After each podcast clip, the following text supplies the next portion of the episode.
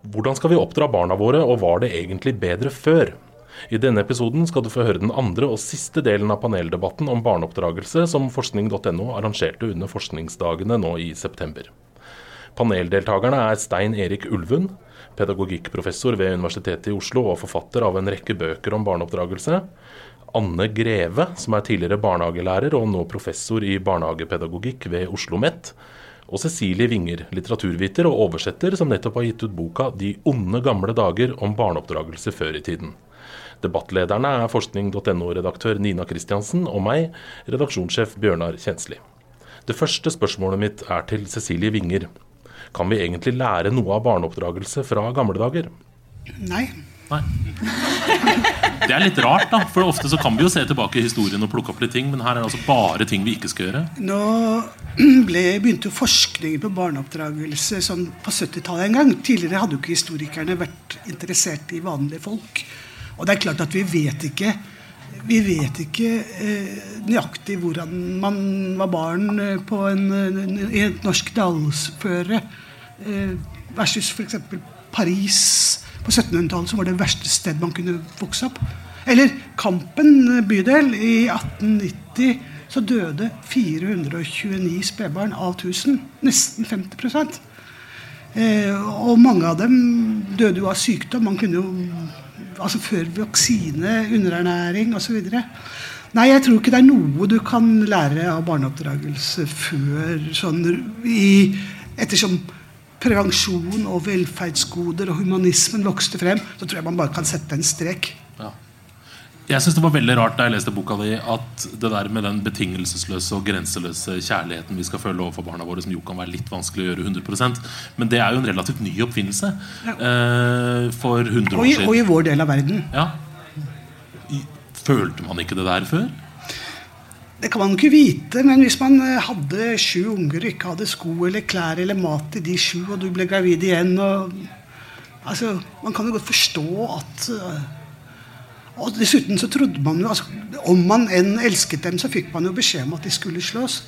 De skulle ikke koses med.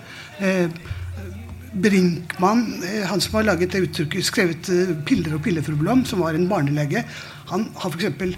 i en bok som jeg har fått fra min farmor Eh, da min far var ventet. Og der står det at et barn har Det foregår null og niks i hodet på ungen. Og, og, og det, barnet fram til det er i hvert fall ett år, så skal det ligge i sengen mellom bleie og mating. Og hvis de blir skeive i huet, så får man snu sengen. Altså, De skal ikke koses med, og de skal ikke dilles med. De skal behandles med respekt. Man skal ikke vugge dem, man skal ikke synge for dem. Man skal helst ikke snakke med dem. Og når kom denne grenseløse kjærligheten? Hvem var det som, eh, var det som liksom spredde den? Nei, altså det skjedde jo gradvis, som jeg sier, når humanismen tok form. Altså Benjamin Spock var kanskje en av de første som sa at uh, stol på dem selv. I 1946. Han har solgt i 13 millioner eksemplarer. Og nå har jeg gjentatt det her, da. Stol på deg selv. Mm. Ikke hør på fagfolka hvis du er enig, uenig. Stol på deg selv. jo, men jeg tror det gikk et lettelsens sukk gjennom verden. Du har lov til å kysse barnet ditt. Mm. Du har lov til å rose barnet ditt. Du kan godt uh, synge og vugge for barnet ditt også. Spredde dette her seg da utover i den vestlige verden uh, som en mote? Liksom, en trend eller et eller annet? Eller uh, var dette her noe folk virkelig følte også? Og endelig kan vi uttrykke vår kjærlighet til barna våre, tror du? Vi vet jo ikke helt hvordan det var overalt. Men, men, men sannsynligvis så tror jeg det var helt nye toner. Men, men det, jeg, det, høres kjemperart ut, syns jeg, at, at, man ikke var glad i ungene sine. Det var jo også en, en um, det å få barn var vel en slags sånn livsforsikring. Altså da kunne du regne med at noen tok vare på deg etterpå. Altså, de ja, det er klart. Det er klart. Altså, man skulle jo også få barn til å være med på Slåttonna osv. Mm. Men um, så, så, det har nok artet seg forskjellig. Mm. Men jeg, altså det, er ikke, det er ikke mer enn drøyt 100 år siden man syntes det var greit å sette ut lausunger i fjellet for å vokte, altså for, for, å være gjetere, passe på buskapen mot uh, ulv og, og bjørn. Eller, eller sende folk til sjøs når de var 12-13 år.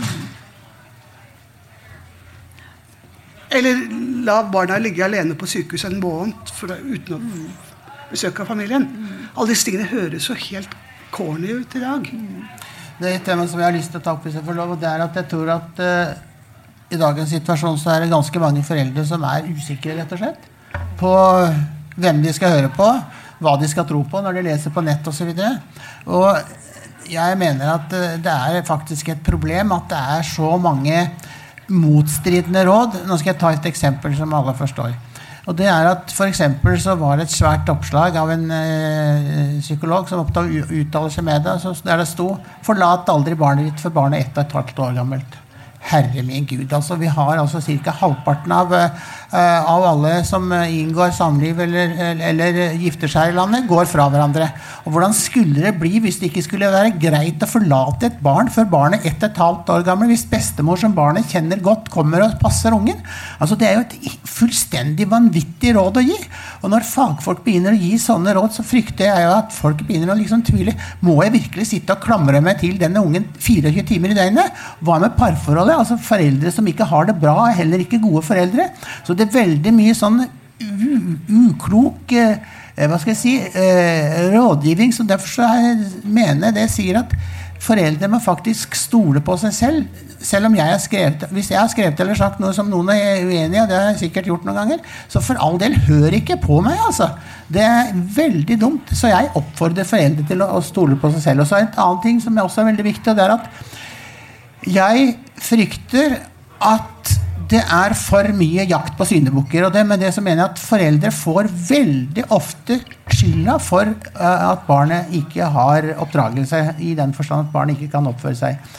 Alle tar, Hvis du ser på trikken et, et barn som ligger på gulvet og sparker og banner på vei hjem fra barnehagen Det første tanken som slår ned i hodet på folk, er at men herre min Gud, det er ikke noe grensesetting i den familien. her. Hvor i all verden er det som er på gang her?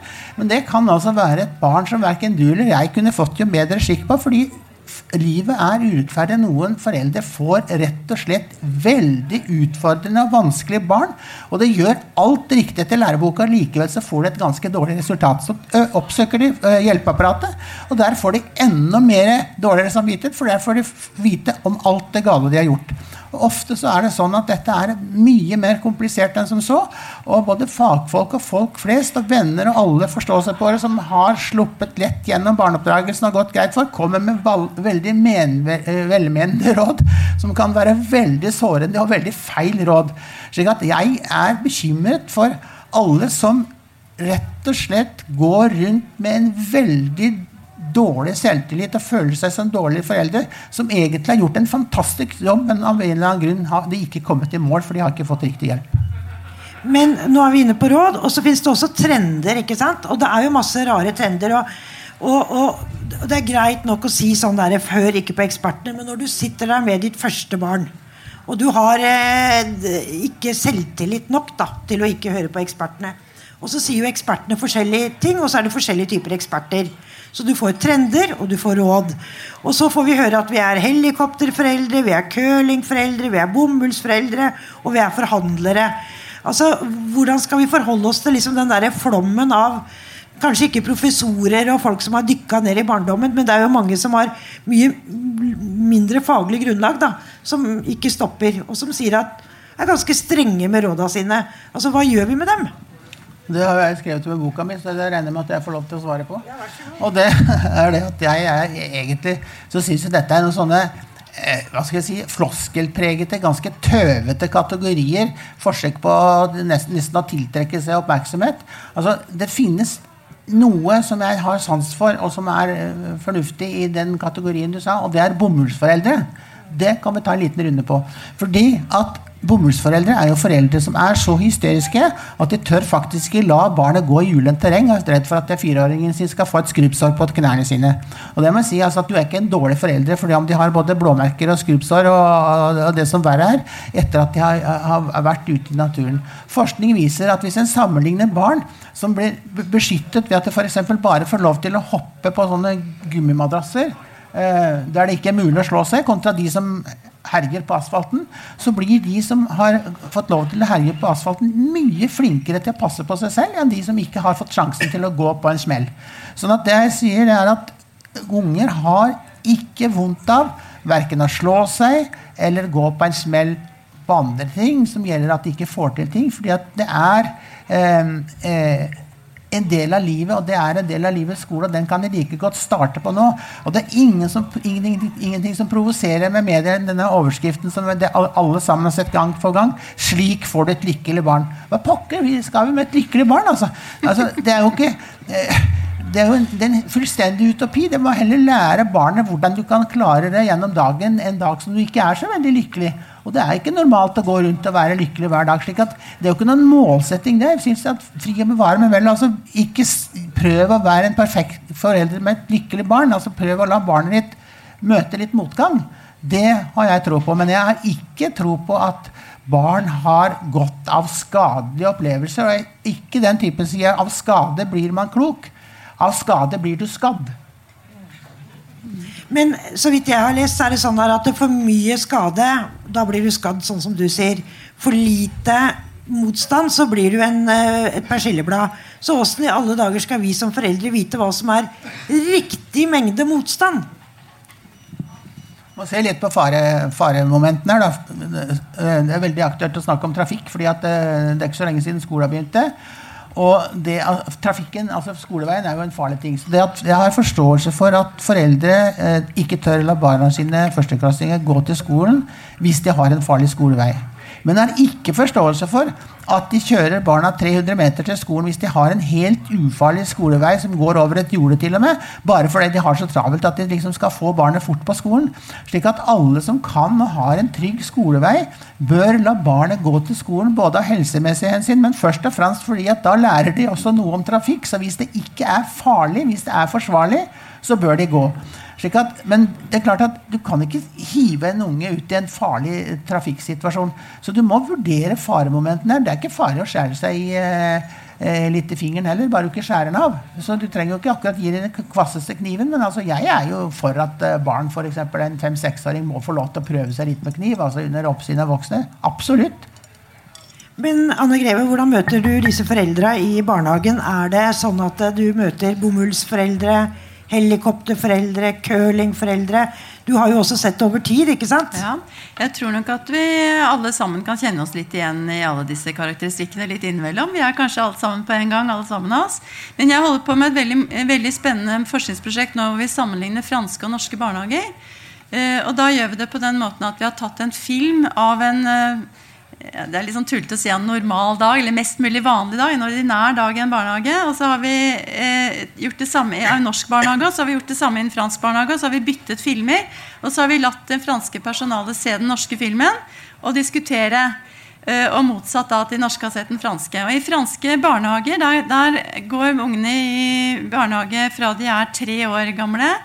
Eh, før det så kalles det barnekrybber. Det er noe litt annet. Men eh, men der er det slik at de tar vekk absolutt alt som kan virke farlig. De, altså, de franske personalet fikk helt noia når de så at vi var ute med barna. Det var bakker som var skråninger.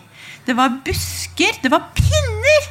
Og de hadde spader av noen sånn hjerne, jernaktige spader.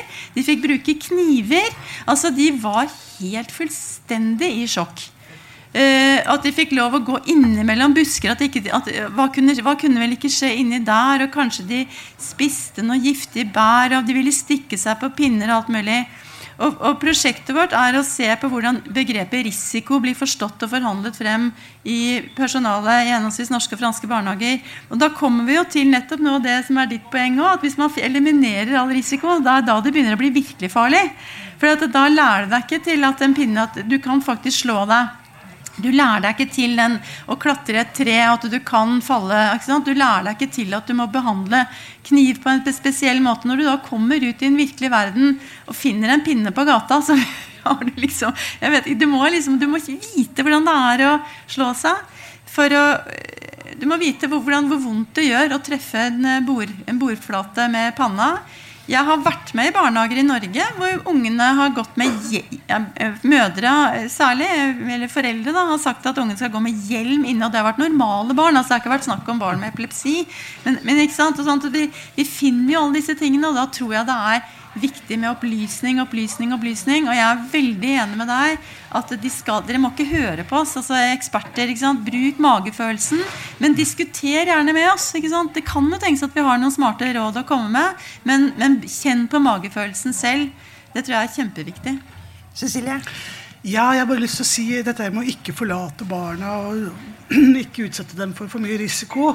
Så jeg har lyst til å fortelle om fyrstikkarbeiderskene på Sagene, som også fikk råd fra ekspertene om at det var bedre at barna frøs når de var alene hjemme hele dagen mens de var på arbeid. Så man skulle ikke tenne i ovnen, for det var mye farligere. Men man kunne gi dem en sånn eh, sutt med brennevin, så sov de godt gjennom hele dagen. Ja, og Det var også ekspertene som uh, sa. Men en ting som er jo forskjell da fra nå og bare ikke så veldig mange tiår tilbake, og det er at vi får barn seinere. Og barn er mer etterlengta. Og vi har bedre tid. Er ikke, altså Kvinner er vel da 30 år i gjennomsnitt i Oslo når de får barn. Det betyr at du har lagt unna deg mye av sånn etableringsstresset. Så det vi har da er jo, Til tross for at vi er, kvinner er utarbeidende, så har vi mer tid til barna våre. Og Det er i hvert fall en sånn oppfatning som går. da, At vi gir barna for mye oppmerksomhet. De får aldri være aleine. De leker ikke ute aleine. Og de er, de, de er, på organiserte aktiviteter. Og foreldra eh, veit hvor, hvor, de er, og hva de driver med, og er ofte sammen med dem. Og dette her var jo til og med opp i tenåra hvor Oslo-ungdom oppgir at eh, jo, foreldra deres eh, veit hvor de er til enhver tid. Blir det for mye oppmerksomhet? Kan det i hvert fall fort bli for, for mye overvåking. Nå har vi akkurat fått en app. Nå har heldigvis eh, ungdommene klart å finne ut hvordan de skal forhindre at foreldrene likevel vet hvor de er. Men altså, barn har krav på et privatliv. Nå, det snakker litt om tenåringer, hvis det er noen som har det her. Altså, du må fortelle dem at det er farlig å gå på Oslo S. Og du må selvfølgelig fortelle dem at uh, de ikke skal drive med dop. Og du må være våken når de kommer hjem, og du må holde dem edru på lørdagskvelden, sånn at du kan hente dem når de har vært på fest. Men du kan ikke forhindre at de Du må slakke litt av og tørre å la dem være med på ting som alle andre får lov å være, bortsett fra å sende dem til Syden på sånne fyllekuler som det vi så nå her i, her i høst. Men, så, så, så, det der er et, eh, er, et problem at, eh, at, at, foreldrene passer for mye på. Det er litt sånn bom, bomullsproblematikk. Men så er det dette med organisering av fritiden. Du sier at foreldre har bedre tid. Ja, men mange er også stresset fordi de er dobbeltarbeidende. Og det som jeg har vanskelig for å forstå, det er at hvis du har to jobber og fire unger, og de fire ungene går på to aktiviteter hver, det holder ikke med to biler. Da må du ha to taxier i tillegg for å få administrert ettermiddagen. Fordi alle skal på noe hele tiden. Så jeg råder folk til at de ikke skal ha så veldig mange ting å være med på. Det fins noe som heter kortisol, og det blir utskilt i blodet. Det, det, kommer fram under stress, og det er også mye stress i barnehager der det er mm, mange unger og få voksne. Og på sånne store barnehager er det målt høyt nivå av eh, stresshormoner. Stress er et onde. Det skaper angst. Og det kan være skadelig med mye stress på sikt. sånn at jeg mener at mange foreldre kan gjøre noen enkle grep rett og slett ved å stryke noen aktiviteter. Det kan gjøre så enkelt at barn Det er ikke sikkert barn gidder å gå på f.eks. dans eller turn eller hva det måtte være. Så hvis de slutter med en aktivitet, så er det helt greit, og så kan de begynne med en ny en. Men du kan ikke legge på én og én aktivitet så det til slutt tar tre-fire aktiviteter. For går, den kabalen går ikke opp. Det blir bare stress. Så jeg, eh, mitt enkleste råd er å prøve å leve eh, en roligere hverdag. Livet det foregår nå. Det er ikke noe som kommer en gang i framtiden når du får bedre tid. Og det er altfor mange som har for travle hverdager. Og mye av det har dessverre planlagt selv. Ja, altså jeg, jeg, jeg, er veldig enig med veldig veldig mye av det du sier. Jeg, jeg tror at Det er jo noe med den der at barnet også kanskje kan bli oppfattet litt som et statussymbol. altså At vi på en måte realiserer oss selv gjennom å ha vellykkede barn som har de riktige klærne. og som, altså Alle disse mammabloggerne og alt dette her, ikke sant, hvor vi lever ut våre liv egentlig litt gjennom ungene. og at vi og at vi da mm, ikke sant, og Det blir viktig at barna er med på de riktige type aktivitetene. og alle disse tingene der. Jeg husker at jeg ble nesten grepet litt av Jeg bor i Bærum selv. Og, og eh, husker at da mine barn var i riktig alder, så ble jeg litt sånn stressa for at ikke de drev med slalåm og alle disse tennis og hva de skulle holde på med alt sammen. Helt til jeg husker på at jeg er jo barnehagelærer og syns det er deilig å bare senke skuldrene og la ungene leke. Så det ble ikke, de, de lærte seg aldri å stå slalåm. De vokste opp allikevel. Eh, men, men så er det jeg snakket akkurat med en fra en sånn skolefritidsordning som, eh, som, lurte på om jeg hadde noe råd. for at De skulle ha, de var hyra inn på den skolefritidsordningen for å ha et sånt opp, spesielt idrettsaktig opplegg med ungene. Og så opplevde de at ungene var ikke motiverte i det hele tatt. De hørte ikke etter. De var så umulige å ha med å gjøre. og da liksom, Så sa jeg at men kanskje de ungene, altså det var seksåringer, kanskje de for, for, 20 år siden så klatra de rundt i trærne i barnehagen og bare lekte hele dagen. Nå tvinger vi dem til å sitte stille på skolebenken, og så er de endelig ferdig med skoledagen og skal på skolefritidsordningen. Og da skal de inn i et nytt sånn voksenstyrt aktivitetsgreie. Selv om det var lagt opp som lek, og sånne ting, så var det allikevel Kanskje de ungene rett og slett ikke hadde De hadde behov for å bare ha helt fri. Ligge ned på en madrass og lese et eller annet, eller bygge noe med Lego, eller løpe rundt og klatre i trær ikke være med på den voksenstyrte Og kanskje kom du fra en barnehage der det var veldig lite frilek. For det er jo den innvendingen som jeg har mot barne, mange barnehager, at det er altfor lite tid til eh, uorganisert lek. Hør, hør, og det er hør. Og akkurat det skal vi snart snakke om. Men jeg skal bare avslutte én eh, ting. Og det er sånn eh, også Barn kan få for mange aktiviteter. Kan de også få for mye oppmerksomhet fra foreldra? Er det, det er vel Ivar Frøne som sier at unger aldri har hatt så mye oppmerksomhet fra foreldre noen gang som det de har nå. På tross av det at vi snakker om at de har et sånn institusjonalisert barndom. Og det har han nok kanskje rett i. Vi står på sidelinja, vi steker vafler og vi heier og vi holder på. Og vi, ikke nok med det, men vi blir jo også forventet fra både barnehage, men særlig skole, at vi skal stille opp med lekser og holde på og hjelpe dem med både det ene og det andre. Arrangere vennegrupper og hva det nå er altså, man skal holde på med. Sånn at ja, er, vi er nok veldig aktive med i barn. Men jeg vet ikke om det er nødvendigvis er noe dårlig. Jeg vet ikke helt. Altså, så vi kan rygge litt tilbake og slappe litt av. Eh, og ikke være med på alt. Vi kan være med på kampene, men ikke treningene, sånn som dagens foreldre er. Mm. Ja. Vi har jo fått en generasjon med barn som enten heter prinsesse eller sjefen. Og som har blitt meningen med foreldres liv. Og det er også en veldig tung rolle å fylle, vil jeg tro. Og bursdagen koster 5000 kroner. Ja. Men vi kan ikke forlate historikken før vi er gjennom 50-tallet. Fordi at 50-tallet altså Folk snakker ofte om før, og det er gjerne litt voksne folk som snakker om barndommen før. Og den var ikke dyster, sånn som du sier, Cecilie Winger. Den var bra, den. Det er noe sånn rosenrødt. Og det er veldig vanskelig å finne ut når før var, og når gamle dager var, men jeg tror det var 50-tallet. Og da var mor hjemme og kokte suppe på kraft og holdt på og vaska. Og ungene var ute og leika, og far var borte. Men var en trygg omsorgsperson. Og den 50-tallet den lever jo fortsatt i norsk eh, familiepolitikk. Eh, hvor noen partier liker kanskje 50-tallet bedre enn andre. Men, men, det er en sånn rosenrød tid. Hvor rosenrød var egentlig 50-tallet, dere som har sett på historia? Eh, nå er ikke 50-tallet noe verstingår på noen som helst måte, med etterkrigstid og økning i velferd osv. Men eh, jeg vokste på 60-tallet. Eh, og vi var jo ikke inne og fikk boller. Vi var, vi var på stranden og i skogen lenge før vi, mine barn fikk lov til å gjøre det. Eh, Med eller uten foreldre? Uten foreldre. Altså, vi, vi, visste jo hvilke gutter som var slemme, og hvilke menn man ikke skulle gå inn på nært hold med osv.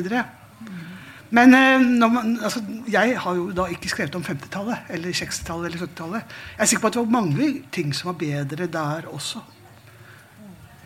Hva tenker dere professorene? Var det bedre på 50-tallet og 60-tallet når dere var eh, barn? Nei, altså jeg hører ikke til de som uh, tror at alt, alt, var bedre før. Men uh, jeg er veldig glad for at jeg ikke hadde barn på det tidspunktet når uh, smarttelefonen kom. Fordi at der ser jeg så mange store utfordringer. Og jeg tror faktisk at det er gått så langt nå at barn kan være sjalu på mobiltelefonen. Jeg har en hund som er sjalu på mobiltelefonen min, f.eks. Så det er tydelig at jeg bruker den ganske altfor mye. Men jeg tenker på at uh, rapporter som har kommet fra, fra uh, føde, fødeavdelinger der det faktisk da eh, jordmødre rapporterer at mødre ligger og ammer mens de er på Facebook. Altså det, det, er jo nesten ikke til å tro. Sånn at jeg tror det må noe skjerpings til her når det gjelder bruk av sosiale medier. Jeg er ikke så gammeldags at jeg tror vi kan klare oss uten den teknologien der.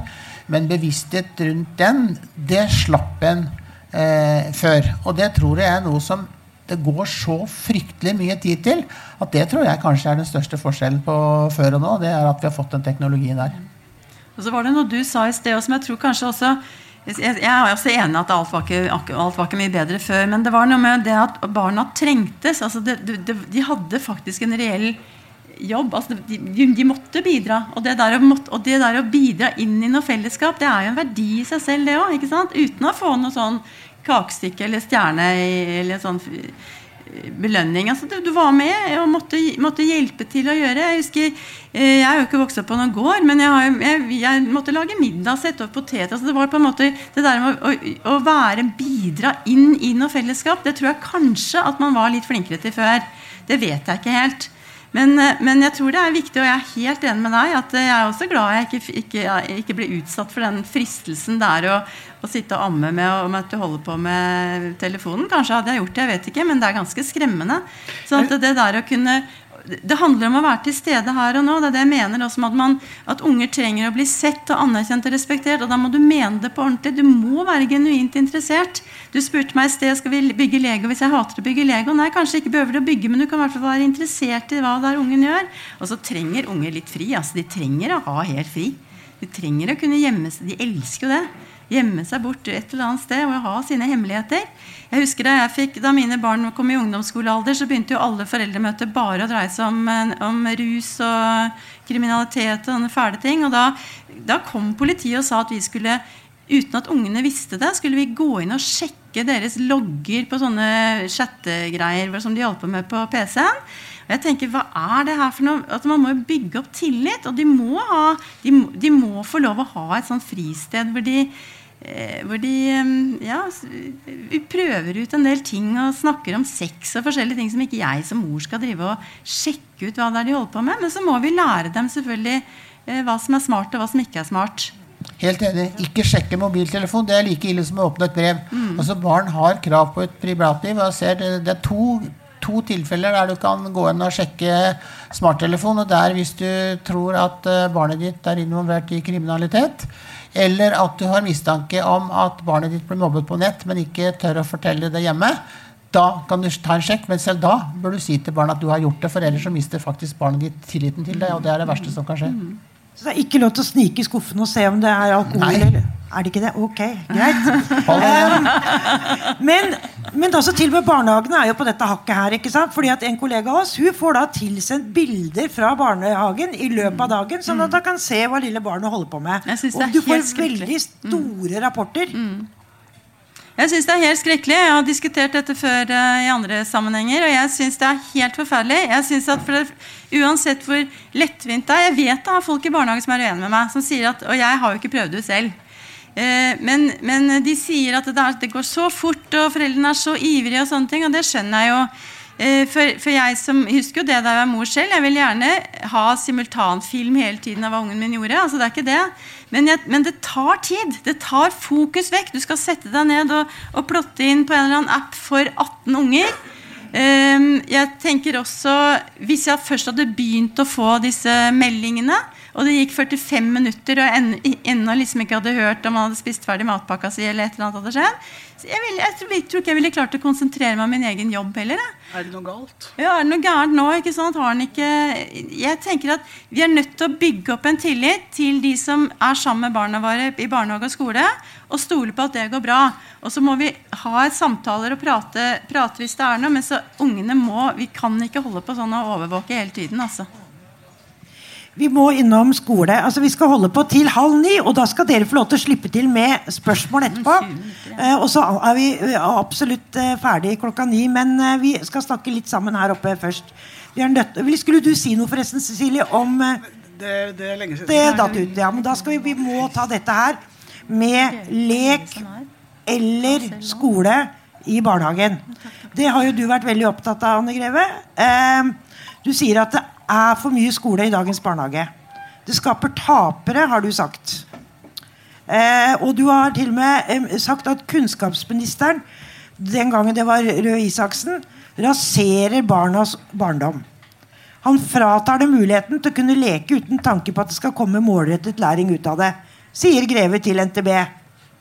Ja, det der med å rasere barns barndom, det var journalisten som fant på den overskriften. da. Men det førte, til at jeg kom på, det, det førte til at jeg kom på debatt med han på TV etterpå. Eh, jeg er veldig Jeg, jeg syns det var kjempetøft den gangen eh, regjeringen la frem den stortingsmeldingen som ønsket å få mer skole inn i barnehagen. altså Ved å, få, ved å gi oss ferdighetsmål, ungene skulle ha ferdighetsmål osv. Og, eh, og det ble et barnehageopprør. For da samlet eh, foreldre, jeg holdt å si unger, men i hvert fall foreldre og barnehageansatte og forskere og alt som gir besteforeldre og alt som kunne røre seg, i et svært barnehageopprør. Og vi klarte faktisk å snu det. Og det syns jeg var kjempebra. Fordi jeg mener at det aller viktigste aktiviteten som skal foregå i barnehagen, det er at unger skal få leke. Og, og leke og leke og leke og leke og leke. Og det, det også, dette her krever jo egentlig en hel egen kveld å snakke om det. For det er, det er um, slik at barn lærer veldig veldig mye gjennom lek. Man kan ikke vite hva det er de lærer. Uh, og Det henger sammen med det jeg sa i starten her, at det, det, vårt viktigste prosjekt er å la unger bygge opp deres selvtillit, selvbilde. Og det gjør de gjennom leken. Uh, det er mange som sier at lek og læring er omtrent det samme. Uh, og jeg er helt uenig i det. Jeg mener, men jeg mener at det er riktig å si at det foregår mye læring i lek. Og det kan være mye lek i, man kan godt leke når man skal lære ting. Men som fenomen så er læring slik at utgangspunktet er at det er noe du ikke kan. Ellers er det ikke noe vits å lære det. Uh, og jeg snakker om, Det som er vanskelig når vi skal diskutere disse tingene, er at vi, vi, vi ofte snakker forbi hverandre fordi vi ikke definerer tydelig hva vi snakker om når vi snakker om lek og læring.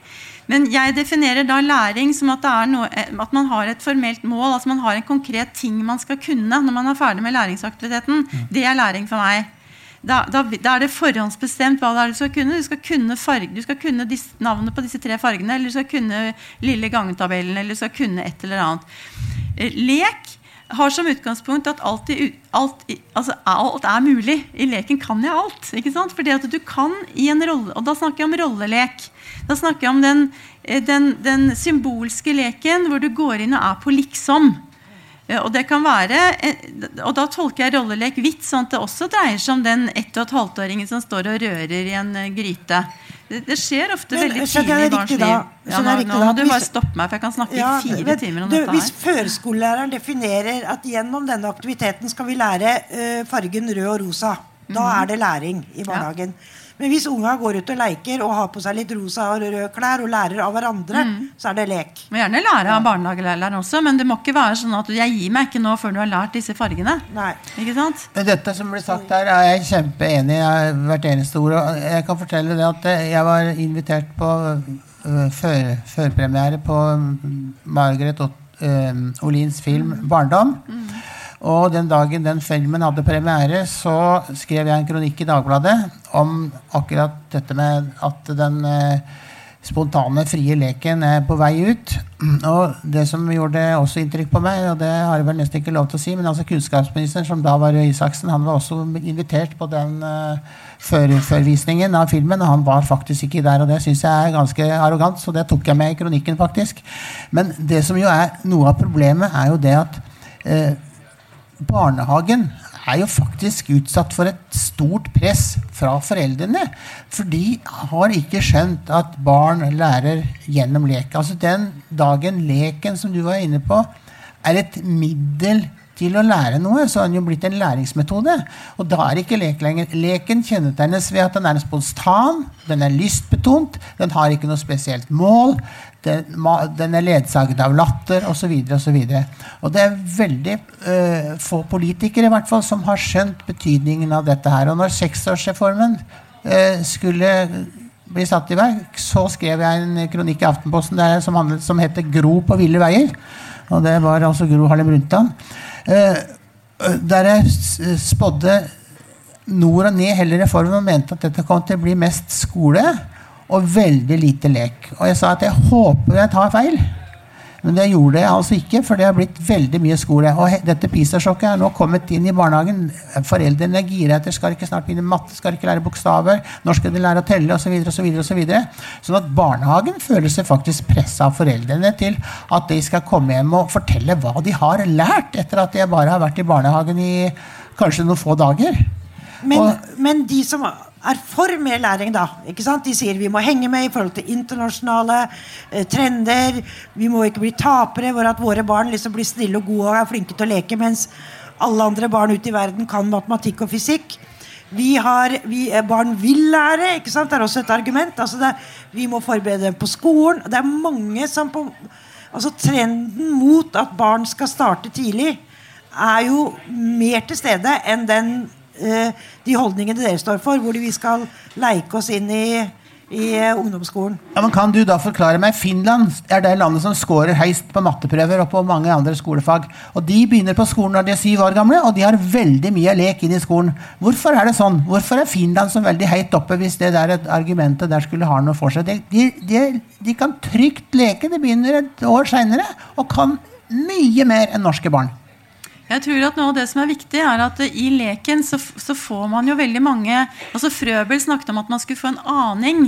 Altså du, du, du, lærer mye matematikk i, i, leken, men du vet ikke at det er matematikk. Men altså du lærer, du kjenner at noe er tyngre enn noe annet. Du skal bygge en hytte i skogen, du trenger de og de pinnene. Altså du, du lærer veldig mange av de tingene som blir et slags grunnlag for deg når du skal gå inn og lære matematikk i skolen.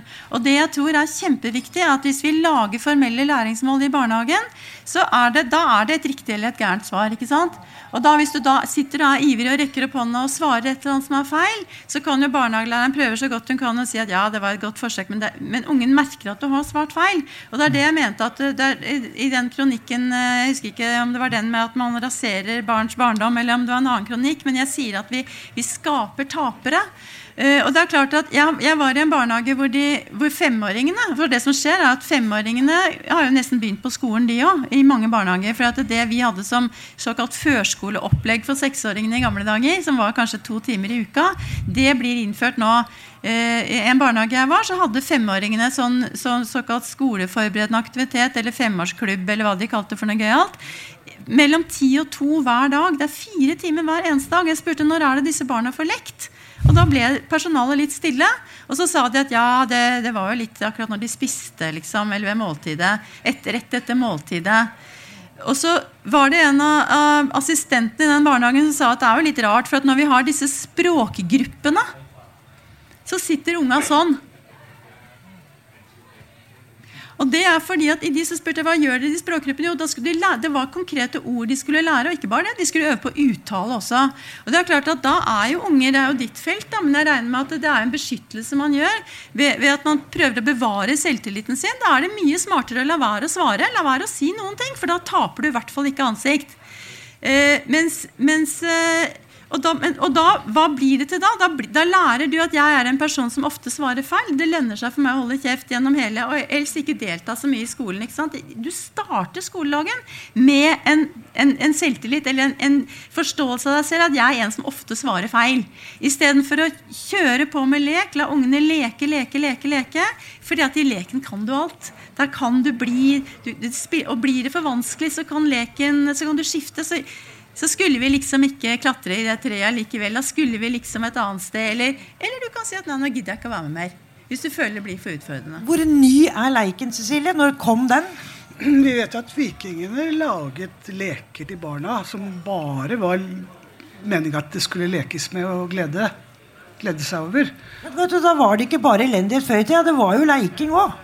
Ja, jeg sier ikke at det bare var elendighet, men det var veldig, veldig, veldig mye elendighet. Altså, ball, eh, Leke med ball det har vel alltid eksistert. Men det var jo sikkert mange barn som ikke hadde tid til å leke. Altså Hvis du var fyrstikkarbeider eh, og jobbet Det ble i 1909 innført eh, tolvtimersdag for barn under en viss alder. Så hadde du ikke så fryktelig mye tid igjen til å løpe rundt og det finnes et morsomt eksempel fra en fagperson som for mange år siden skrev om de to søstrene som en dag fant på at de skulle leke at de var søsken. Mm. Mm. Jeg tenkte å ta det helt, helt ned igjen. For vi, jo, vi, er jo et dyr. Altså, vi er jo en ape. egentlig eh, Har vi ikke instinkter for hvordan vi skal ta vare på barna våre? Andre dyr har jo det. Altså, de spiser dem sånn innimellom når det er eh, dårlig tilgang på mat. og sånn, Men rent bortsett fra det, morsinstinktet, liksom, fins det? Disse forskerne jeg har lest, mener det er eh, programmert inn altså historisk sett i perioder har man ønsket å ta vare på barna altså for å skape en ny generasjon. Andre perioder har man ønsket å ha mødre som arbeider. Så det vil variere. Jeg kan svare på det. Det finnes et, et, fagområde som faktisk er ganske nytt og veldig spennende fagområde. og Det heter intuitiv foreldreomsorg. Og hvis vi oversetter det veldig enkelt, så kan du si at det handler faktisk om at en driver og forsker på at foreldre faktisk helt av seg selv, intuitivt, vet hva som er riktig å gjøre med et barn i forskjellige situasjoner, stort sett. Og det er kanskje en av årsakene til det vi startet med tidligere i dag. at det, det er jo en grunn til at de aller fleste blir normale. Da, at foreldrene skjønner det aller meste, kanskje, av det de bør gjøre i forskjellige situasjoner. Men det er et eget fagområde. altså Intuitiv. Og det ligger veldig opp til det du sa med instinkt. At uh, en bærer i seg en slags intuitiv forståelse av hva som kan være smart måte å behandle et barn på i forskjellige situasjoner. Det er mulig jeg har et litt sånn rosenrødt bilde av hvordan det var i gamle dager, men da hadde man vel kanskje også i større grad et nettverk. Jeg tenker det er ganske mange unge mennesker i dag som flytter langt hjemmefra der hvor de egentlig selv har vokst opp. altså De mister nettverket sitt med, med sine egne foreldre, altså besteforeldre, tanter, onkler osv. At man kan bli litt ensom.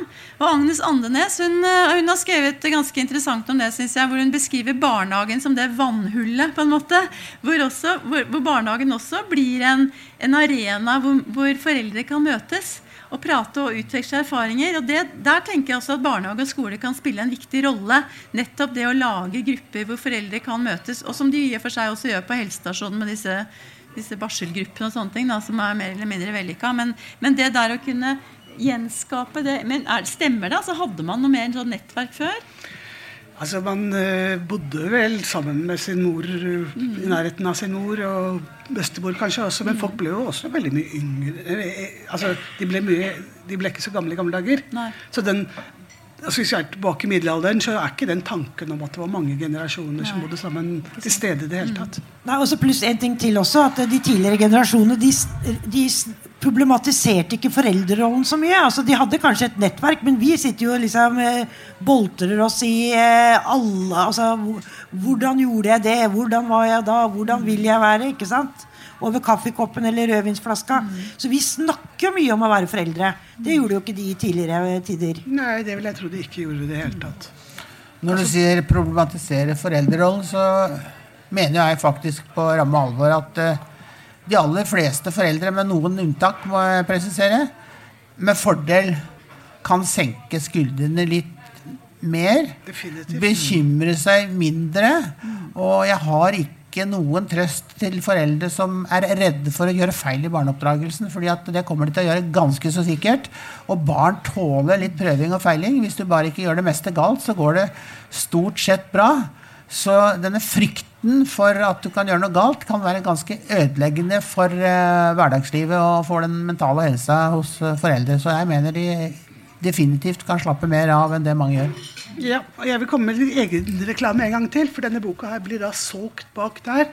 Og når dere leser den, vil dere skjønne at 99% av det dere gjør, er atskillig bedre enn folk gjorde før i tiden. Og farsinstinktet er i hvert fall ikke noe godt instinkt, ifølge den boka di. Altså. Nei, nei, nei, er, far har mye å svare for. Nei, men der har det skjedd mye, da. Ja, det har skjedd mye. Jeg tenkte å spørre dere som har forska på barn og barneoppdragelse.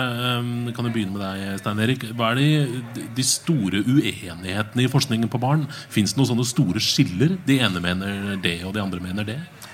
Eh, altså, det er eh, noen skiller eh, i hvert fall hvis vi, skal, eh, hvis vi, holder oss litt jordnært til Norge, da, så kan du si at det er en ting som jeg har lyst til å ta opp, og som jeg kan, skal jeg kanskje provosere litt her. Men det som er et problem i vårt land, er at det er en teori eh, og nå, da sier jeg, nå kommer det sikkert noe vanskelig, men gjør ikke det. Det er en teori som handler om hvordan barnet knytter seg til foreldrene sine følelsesmessig. Og Det er en veldig viktig teori.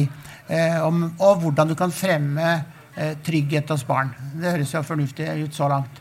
Men det som er problemet, er at denne teorien har blitt opphøyet til en slags hovedteori om barns utvikling, der en prøver å forstå nesten alt mulig som har gått galt, ut ifra den teorien. Dette er et spesielt et stort problem for barnevernet, som gjør ganske mange feil pga. at de er så eneide i sin teori. Og I denne boka så jeg skrevet at det å satse på en slags hovedteori for å forstå barn er like dumt som en lege skulle utdanne seg og tenke at jeg lærer meg alt om kretsløpet, så regner jeg med at jeg skjønner resten av kroppen. Det er ingen grunn til å tro at psyken er noe mindre komplisert enn enn enn den fysiske. Og vi vet ganske mye mer om kroppen enn vi vet om psyken. Og jeg mener at det er mye uansvarlig, naiv anvendelse av teori blant fagfolk, det er det jeg snakker om nå, og at dette bør det bli slutt på. Men Hvordan forsker man egentlig på barneoppdragelse? Altså, hvordan gjør man kontrollerte forsøk? Skal man ta tvillinger og øh, oppdra de på ulike måter øh, i Ja, Det skala? finnes det liksom? masse forskning på. Ja. Og det finnes jo for forskning som viser, hvis vi tar eh, eneggede tvillinger da, som, eh, som De har jo de, akkurat de samme genene fra foreldrene sine. Og Hvis de eksempel har en gene som gjør at de har eh, tendens til å være aggressive, og, den, og de blir adoptert bort til hver sin familie, så kan den ene beholde aggresjonen sin, mens den andre kan bli en mye mer eh, jovial, imøtekommende, empatisk eh, person. Slik at det er helt klart at vi har godt kontrollerte studier som har litt styr på dette med arv og miljø sin betydning, men da er det faktisk det et veldig bra spørsmål. Da. da er vi inne på at vi må bruke eh, tvillingstudier. Og det tar veldig lang tid å utvikle sånne studier. I Norge så er vi så heldige at vi har en dame som heter Anne Marit Torgersen, som ligger helt i verdenstoppen. Hun er dessverre blitt pensjonist nå. Hun har gjort banebrytende studier på tvillinger og te dette med temperament, som viser at temperament i veldig stor grad er en nedarvet egenskap. Eh, når jeg sier temperament, så tenker de fleste på at det handler om å bli fortissig. Men det, altså det å være sjenert og tilbaketrukket handler også om et temperament. Det er det færreste som vet. Eh, og hun har funnet ut at båten barn blir møtt på, er kjempeviktig for å styre barn inn på en uh, god eh, kurs. Og hun er også veldig opptatt av at det finnes ikke gode og dårlige temperamenter, men det finnes ulike temperamenter. Og det er derfor at oppdragelsen må tilpasses barnet, slik som jeg var inne på når vi startet denne debatten. Hvordan er det i barnehageforskninga? Er det noen ulike skoler som mener totalt altså Du snakka jo om Frankrike og Norge, f.eks. Ja. Der har man jo rimelig ulik virkelighetsoppfattelse. Er det, er det store forskjeller? Ja, det er, det er nok I hvert fall på tvers av landene er det, er det veldig store forskjeller. Det er det. Men eh, den nordiske barnehagemodellen det er jo litt artig, for den blir jo trukket frem annet av OECD og veldig mange steder som en, som en liksom ultimate modellen. Eh, hvor nettopp lek har stor plass, hvor man tenker såkalt helhetlig læringssyn. hvor man tenker at eh, man kan ikke skille helt mellom omsorg, lek og læring. Det er liksom en del av hele, hele pakka. Eh, men samtidig så trekker det jo i motsatt retning. altså Du nevnte så vidt det var PISA i sted. Det er jo utarbeidet en barnehage-PISA nå, som skal gjelde for barnehagebarn. Er, Norge har vært med på å utarbeide den, og det er kjempetrist. fordi at Norge blir sett på som en autoritet, som et veldig bra land. Så har vi riktignok ikke begynt å bruke den selv.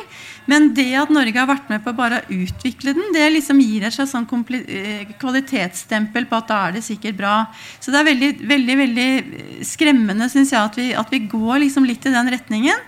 Eh, men det er, eh, det er nok jeg tror, jeg tror at den nordiske barnehagemodellen er veldig tuftet på, på Frøbel. Den er veldig tuftet på dette med lek, som er viktig. Og så, sånn Det store presset da, det er, det er dette tidlig innsats-greiene som jeg mener blir misforstått. Gjelder bare å starte tidligere og tidligere med formell læring. Eh, testing, kartlegging, alle disse tingene her som, jeg, som vi bare må slåss mot eh, med nebb og klør hver eneste dag. Og det gjør vi òg. Du har nå hørt en episode av Spør en forsker-podkasten til forskning.no, nemlig den andre og siste delen av paneldebatten vår om barneoppdragelse. Mitt navn er Bjørnar Kjensli, og vi høres igjen. Ikke glem å like og del og gi stjerner i iTunes og alt det der. Ha det godt.